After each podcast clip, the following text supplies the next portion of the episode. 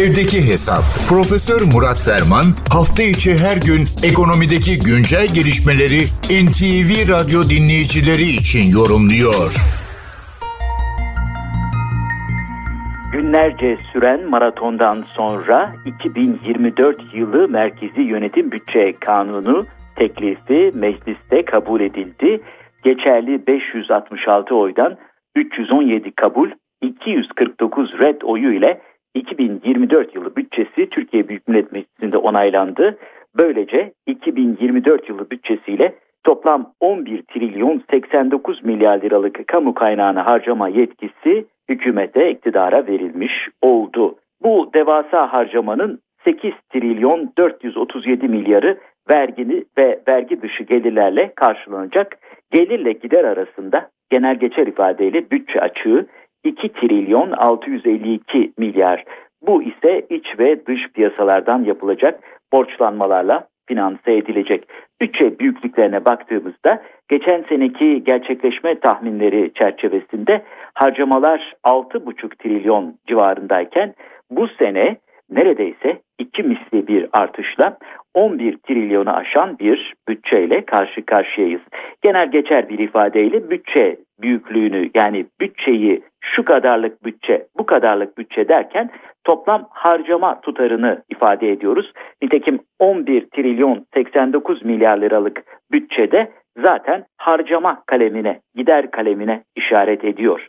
Bu çerçevede geçtiğimiz sene sadece 1 trilyon 326 milyar lira civarında olan personel giderleri iki misli bir artışla 2 trilyon 553 trilyon liraya yükseliyor. Evet bunu zaten devlet memurları sayısındaki duble artıştan da görüyoruz. Faizde de iki mislinden fazla bir artış var. Geçen sene 646 milyar liralık bir faiz ödemesi varken bu sene bu 1.254 milyar lira yani 1 trilyon 254 milyar liraya çıkacak. Gelirler bacağında ne var? Tabii bunlar harcanacak da gelirler bacağında ne var? Geçen sene gelirler 4 trilyon 930 milyar yani yaklaşık 5 trilyonluk bir manşeti bize ifade ederken bu sene 8,5 trilyona yaklaşacağı düşünülüyor. Bu çerçevede vergi gelirlerinin de neredeyse iki katı artacağına yönelik bir projeksiyon var. 4 trilyon 2 milyardan 7,5 trilyona e, ulaşan bir vergi geliri düşünülüyor. Bu vergi gelirleri çerçevesinde baktığımızda gelir vergisinin kurumlar vergisinden aşağıda bunların tamamının da katma değer vergisinden de daha altta kalacağı görülüyor.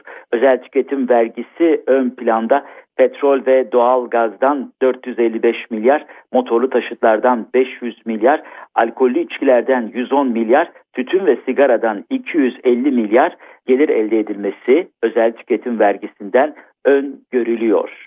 Bu çerçevede trafik cezalarından 24 milyar, vergi cezalarından 50 milyar, diğer cezalardan da yuvarlak 45 milyar olmak üzere 120 milyarlık bir gelir elde edileceği de projekte edilmiş oluyor. Evet, bütçe devasa bir bütçe.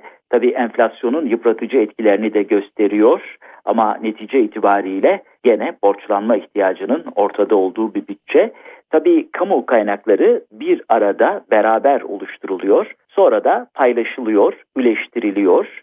Bakalım bu 2024 bütçesinde de inşallah bu üleştirme, bu paylaştırma, bu kamu kaynaklarının tahsisi genel geçer bir ifadeyle daha fazla sayıda kişinin esenlik, rahatlık ve konforuna hizmet eder.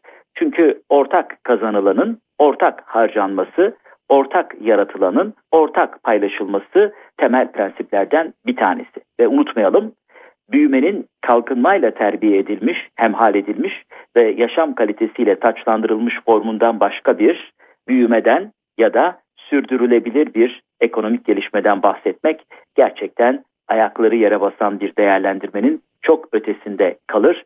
Bunun için hem büyümek hem kalkınmak hem gelişmek yaşam kalitemizi de önemli ve olumlu bir şekilde ileriye doğru taşımak zorundayız. Bu genel bilgi paylaşımı ve değerlendirme çerçevesinde değerli dinleyenlerimize katma değeri yüksek ve yüksek katma değerli bir gün diliyor. Huzurlarınızdan hürmetlerle ayrılıyorum. Profesör Murat Ferman'la evdeki hesap sona erdi. Kaçırdığınız bölümleri www.ntvradio.com.tr adresinden dinleyebilirsiniz.